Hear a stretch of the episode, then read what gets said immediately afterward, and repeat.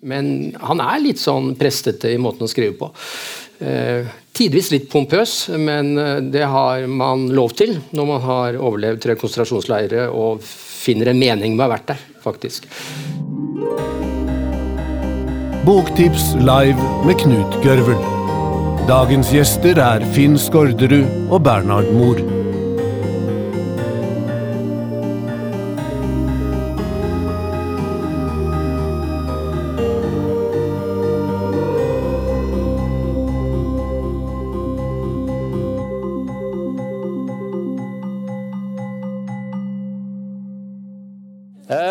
Jeg heter eh, Knut Gørvel og er salgs- og markedsdirektør her i Cappelen Dam.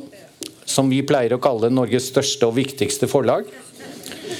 Det er sånn at Vi eh, begynte dette arrangementet i vår. Da kalte vi det Ukeslutt. Og da fikk vi jo, fordi det var så vellykket antagelig, NRK på nakken. Og de ville ikke at vi skulle ødelegge deres program med ukeslutt. Sjefen sjekket med advokaten vår er det forvekslingsfare. Det var det nok ikke, men vi var såpass large siden vi i mai eh, åpnet et nytt nettmagasin som heter Boktips. Så tenkte vi la oss være snille med NRK og kalle dette Boktips live. Og derfor Når dere kommer hjem, så må dere gå inn på boktips.no og se alt det fine som står der. Det er sånn at eh, alle vi som jeg ser at det er flere som meg som er godt oppe i årene, vet at eh, noen bøker forandrer livet ditt. De vekker deg og får deg til å se og skjønne deg selv og verden på nye måter. Og På 60- og 70-tallet ser jeg, kanskje noen på 80-tallet, men i hvert fall 60- og 70-tallet opplevde mange av oss det store ungdomsopprøret, hvor vi var opptatt av miljø og hva er meningen med livet, og de store eksistensielle spørsmålene. Og Det som skjer nå, er vi veldig glade for, mange av oss med ungdomsopprøret og opptattheten av miljøet. Derfor har jo vi sett at det trengs de store, viktige bøkene om hva er meningen med livet? Hvorfor lever vi? Hva er det å ha et godt liv? Eh, hva er eksistensialisme? Og Derfor så har vi nå gitt ut fem bøker. Alle er bak der, og dere kan kjøpe de etterpå. Som vi har kalt Livets bibliotek. Det er de fem første i et stort bibliotek. Og Mange av dere kjenner en del av disse bøkene, fordi eh, da vi var unge, da, noen av oss, så har de solgt i hundretusener. F.eks. Om kjærlighet av Erich Fromm.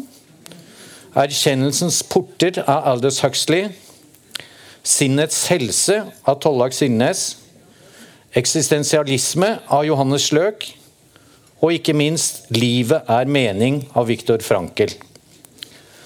Alle disse klassikerne har kommet da i en praktpocket, og de har fått nye norske forord av Per Buvik, Viggo Johansen, Aslak Hjeltnes, Valborg Sines og Maria Rød Skårderud og Finn Skårderud.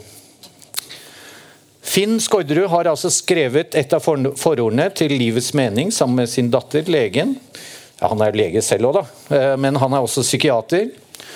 Og en av Norges fremste kulturpersonligheter. Han var her på det vi da kalte ukeslutt, og snakket om Welbeck. Jeg prøver å si det sånn som han sier det. Michel Welbecks forfatterskap. Nå vil han altså fortelle dere og snakke om en av disse fra Livets bibliotek, nemlig Viktor Frankel. Og han ønsker seg en enda større applaus enn dere ga i sted. Ta godt imot Finn Skårderud!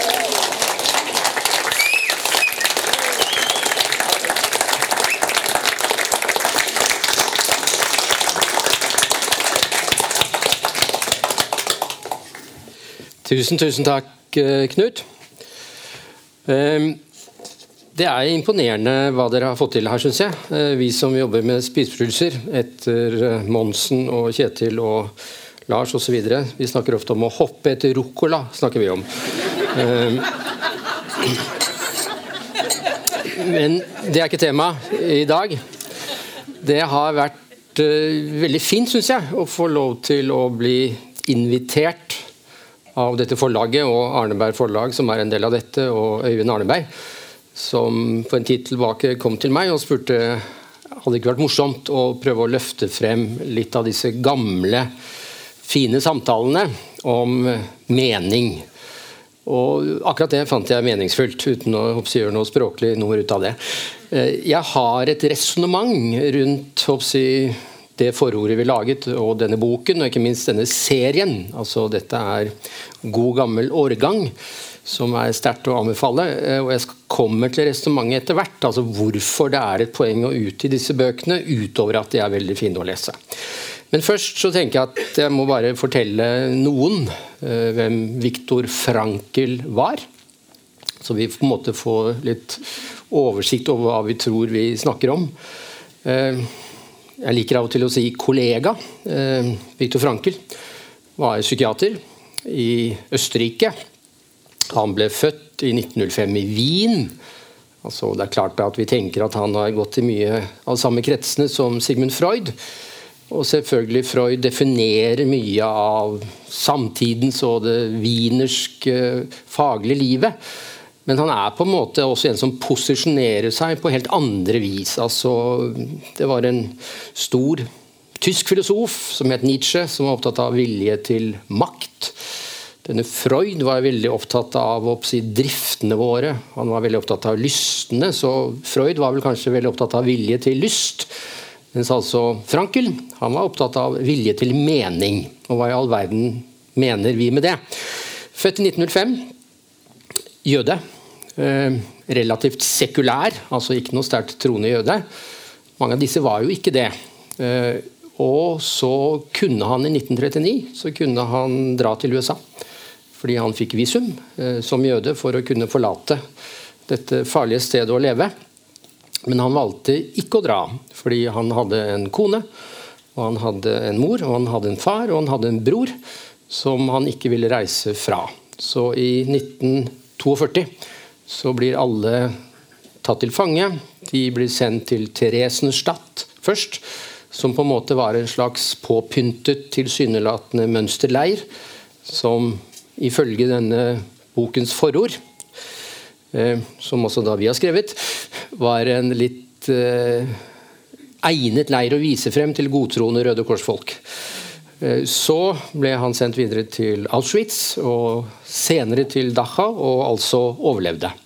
Det gjorde ingen av de andre i hans familie. De omkom i forskjellige av disse leirene.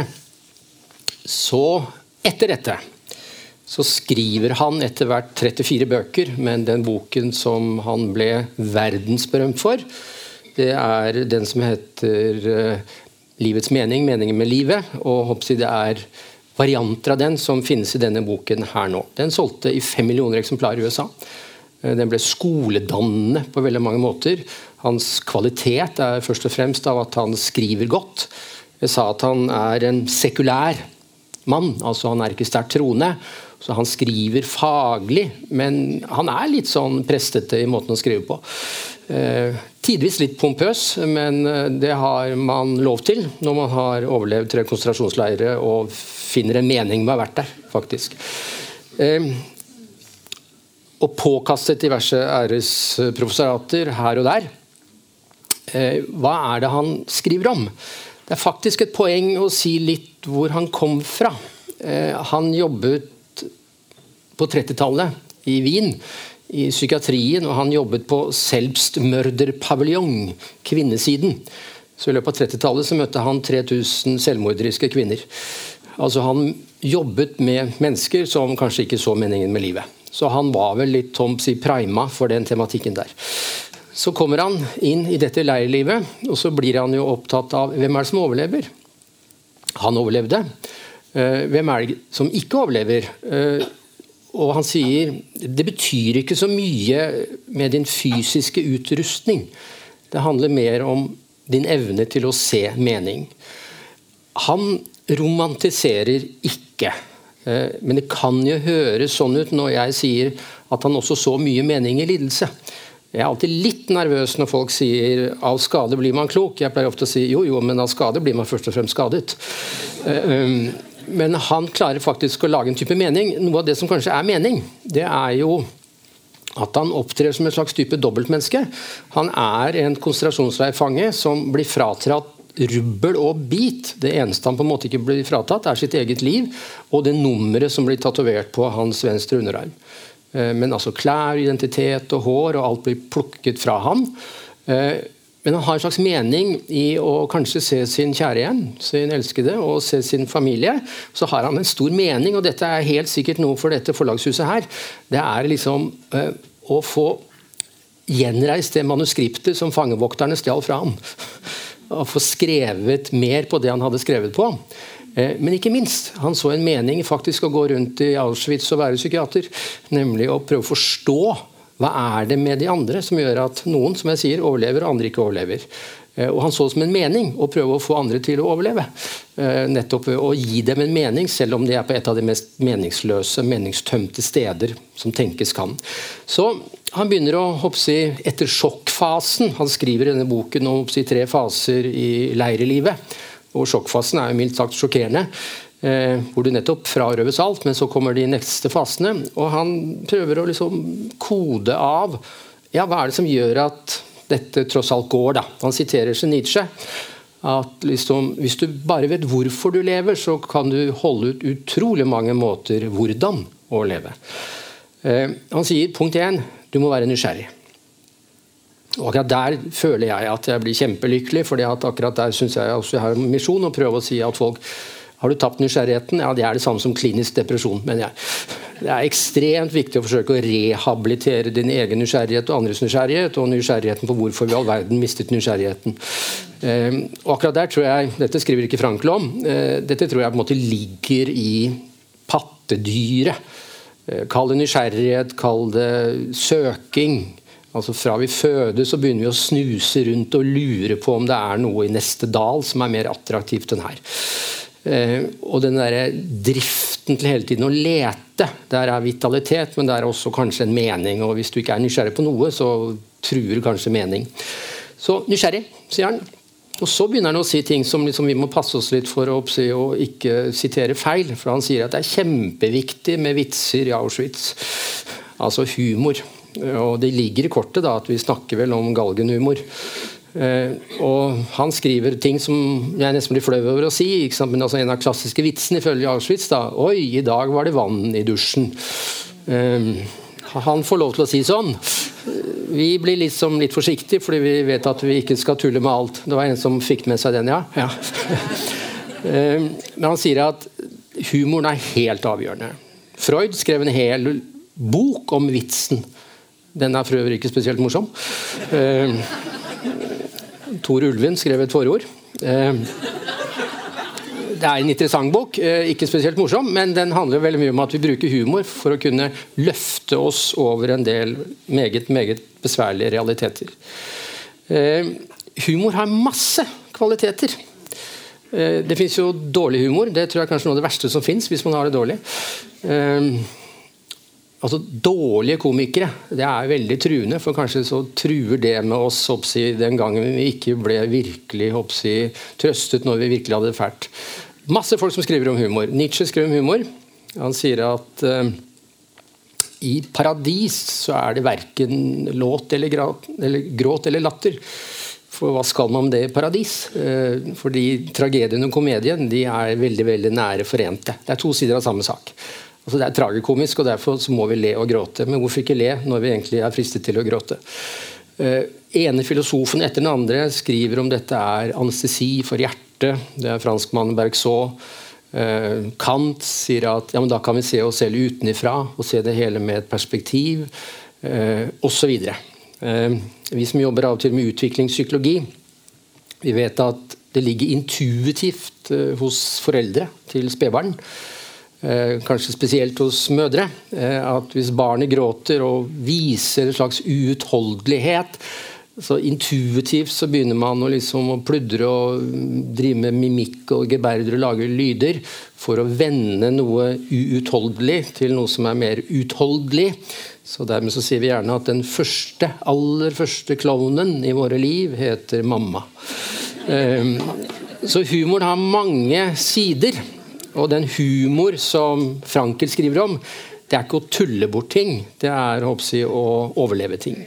Å lindre ting. Og humor lager jo ofte et vi. Det er altså vi som ler sammen. Uh, I jeg, de verste av alle sammenhenger. Og Så er det tredje element, og så kan vi begynne å lure på liksom, romantiserer han nå. Han sier at bortsett fra nysgjerrighet og bortsett fra humor, så er det en ting som er veldig viktig for å ha mening i leiren, og det er faktisk kunst, sier han.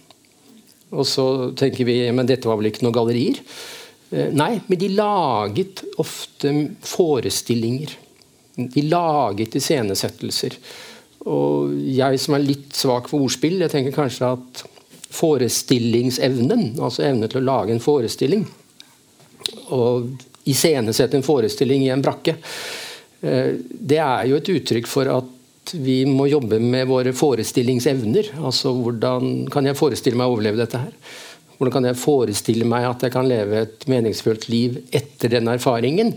Og hvordan kan jeg forestille meg hvordan du har det? Altså På godt norsk heter det empati.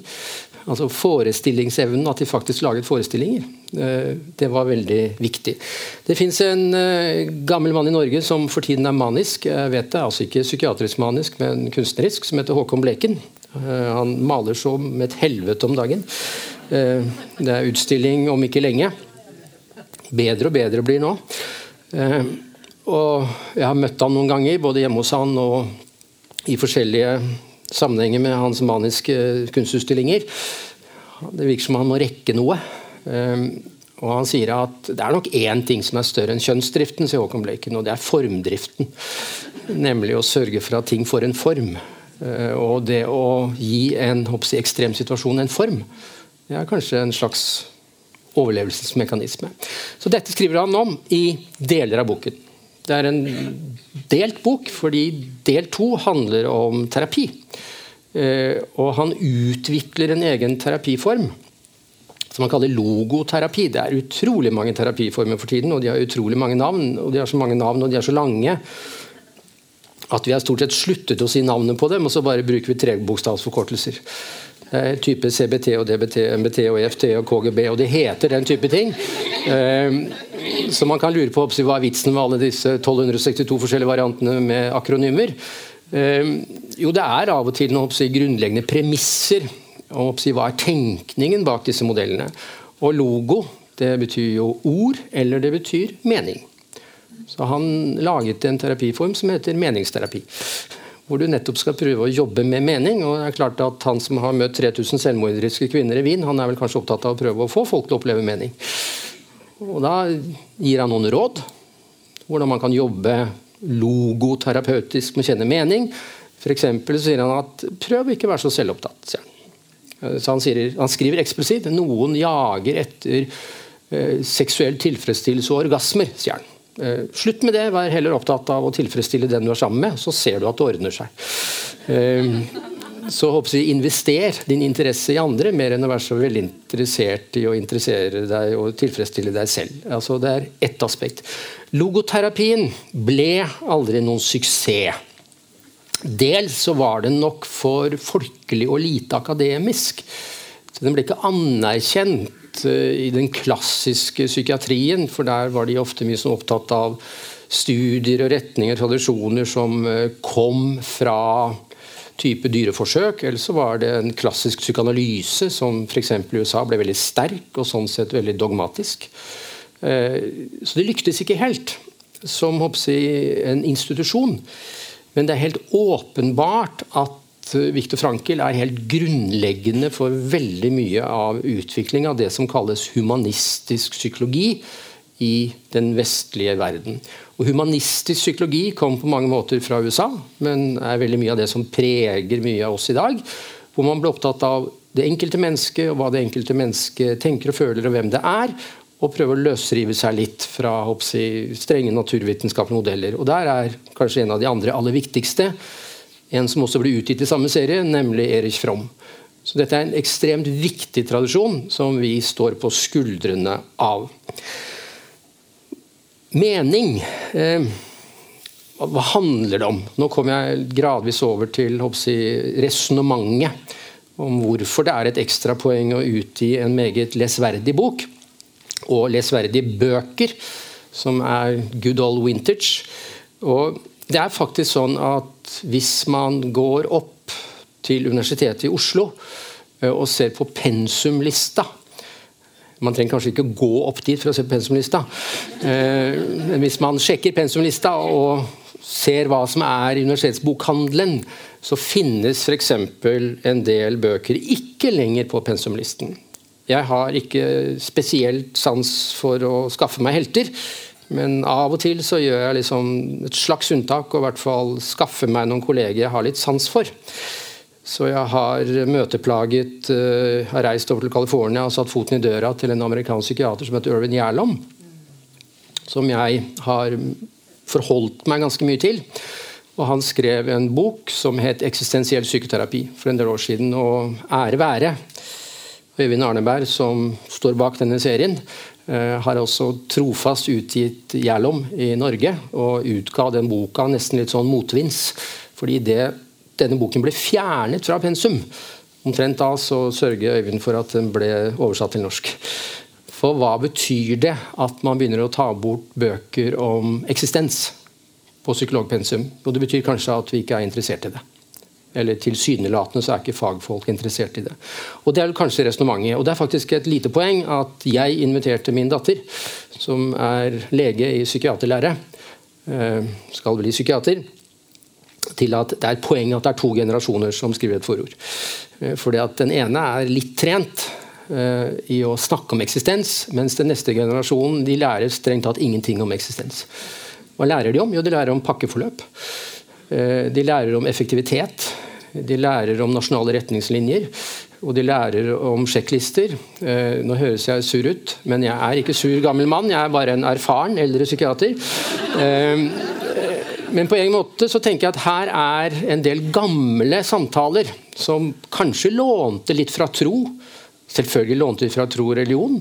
Kanskje lånte de fra hoppsi, en del samtaler man hadde, nemlig hva er meningen med det hele? Hva er meningen med mitt liv? Jeg forstår meningen med ditt, men hva i all verden er meningen med mitt? Hva skal jeg leve for? Hva skal jeg leve etter? Og siden jeg vet at vi dør, hva er egentlig hele poenget med det hele? Og jeg tenker at dette tap av mening i en del offentlige samtaler. Det blir mye kvantitet, eh, det blir lite eksistens. Eh, I Høyes pakkeforløp så er det ikke satt av seks timer til eksistensiell undring sammen med en nysgjerrig terapeut, f.eks.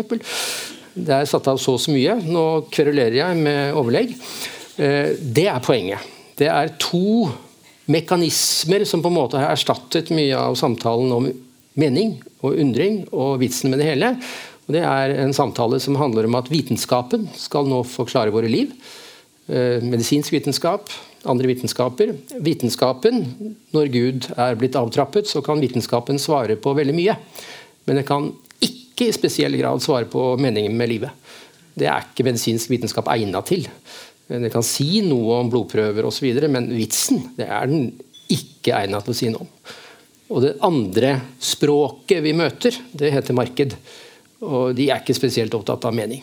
Eh, de er opptatt av produksjon, som er noe annet. Slik at denne lille sånn politisk kritikken, snerten, melankoliforme ytringen eh, fra min side, det handler nettopp om at det er kanskje viktig å bevare den type fenomener. Vi nevner i denne boka en fransk filosof. Boken er veldig vanskelig, som han har skrevet, så ikke lest den. Men stjel tittelen. Den står 'Kunsten å krympe hoder', heter den boka. Og Et retorisk spørsmål som vi har i denne boken her, hva skjedde egentlig med sjelen? En gang hadde vi sjel, nå har vi et sinn. Det syns jeg utgangspunktet er bra, men jeg tror vi mistet når vi gikk over fra å være sjel til å bli sinn.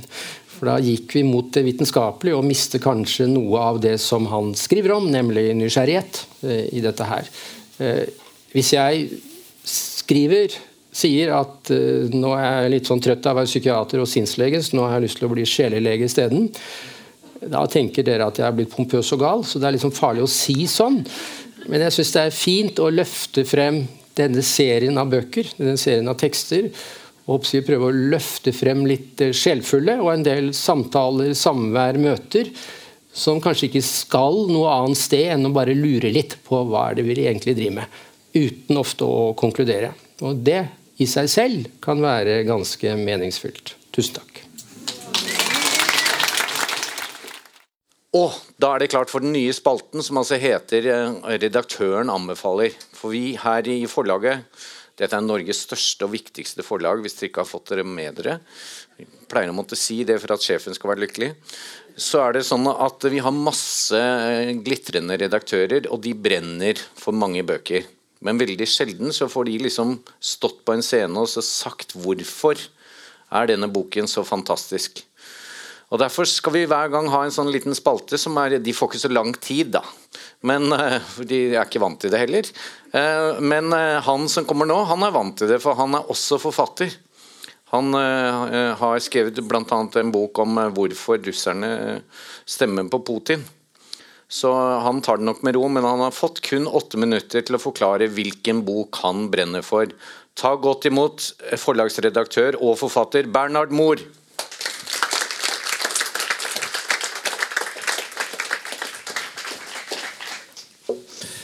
Takk skal du ha, Knut.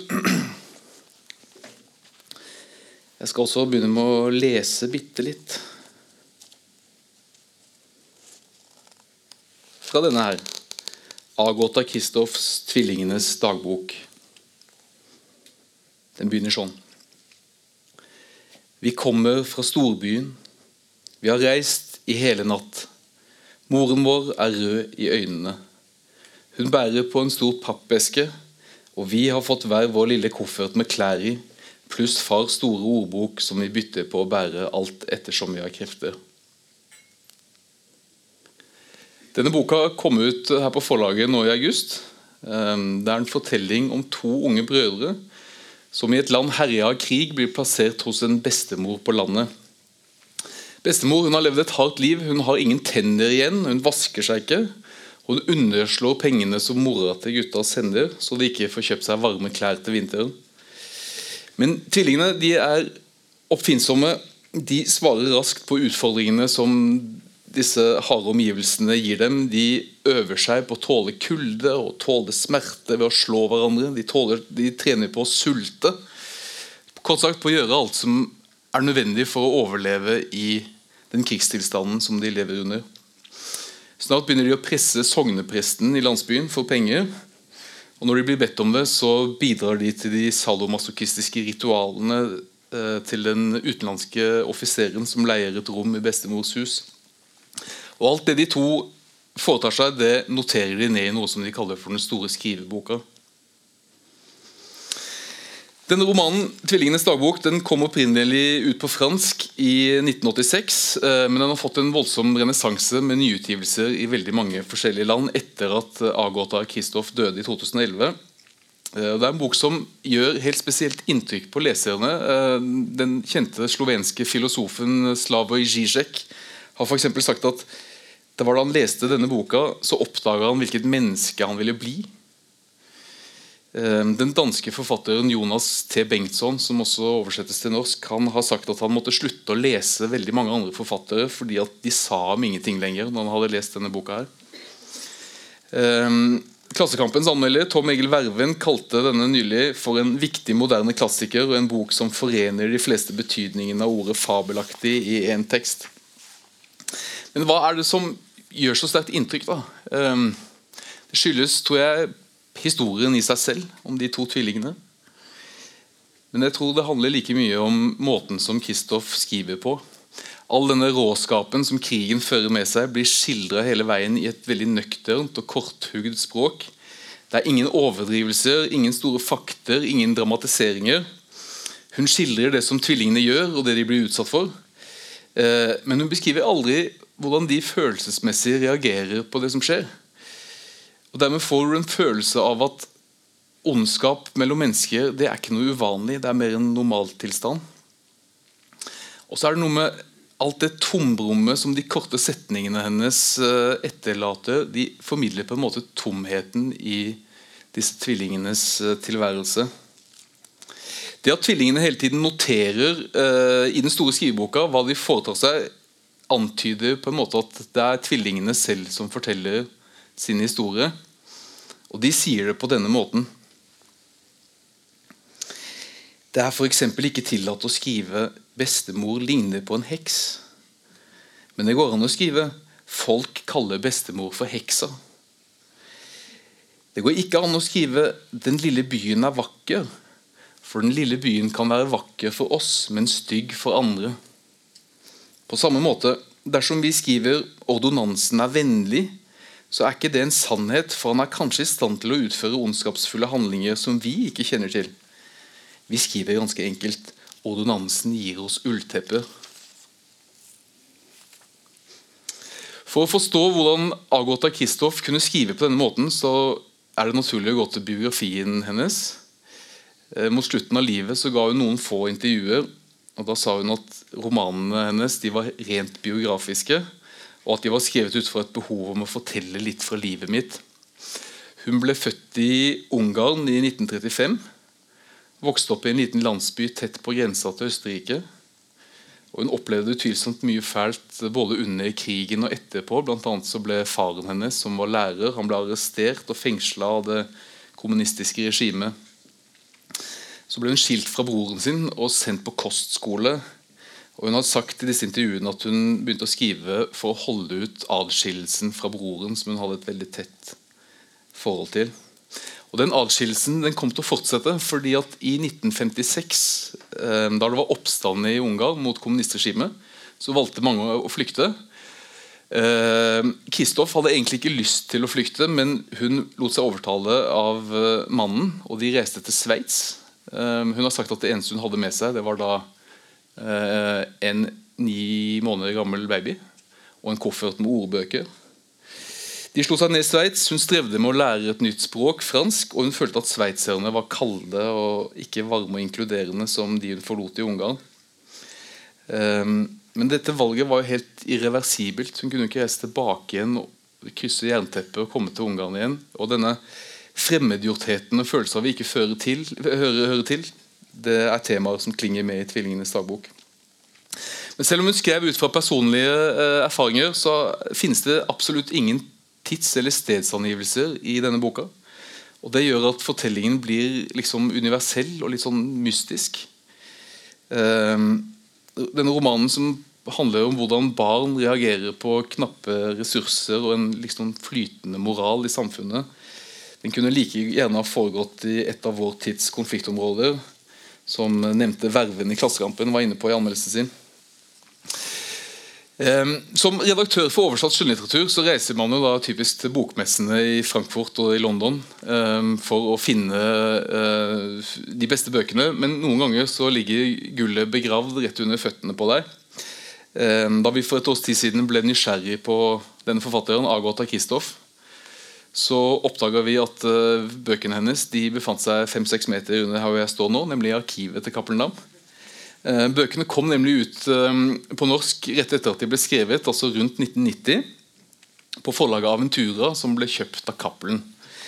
Så når vi nå gir ut både denne og de to neste bøkene til Agota Kristoff på nytt, så har vi brukt Willy Flocks gamle oversettelse, men modernisert den i samarbeid med Henninge Solberg. Jeg anbefaler denne boka fordi det er for meg en fullstendig original krigsskildring og en fullstendig original oppvekstroman som ikke ligner på noe annet jeg har uh, lest. Uh, noen vil kalle den mørk, og den er jo absolutt mørk, men det er en bok som kan anbefales til alle som leser for å føle noe, for å kjenne på de sterke følelsene. Så kommer også bok nummer to og tre. Det er en trilogi. Eh, I bok nummer to så er det den ene tvillingen som heter Lukas, som ung mann. det handler om. Eh, den heter 'Beviset', kommer i vår. Og i høsten 2020 så gir vi ut den tredje og siste boka, som heter 'Den tredje løgnen'. Der er det han eh, som heter Lukas og Klaus som eldre mann det handler om. Agota Kristoff, 'Tvillingenes dagbok'. Herved anbefalt.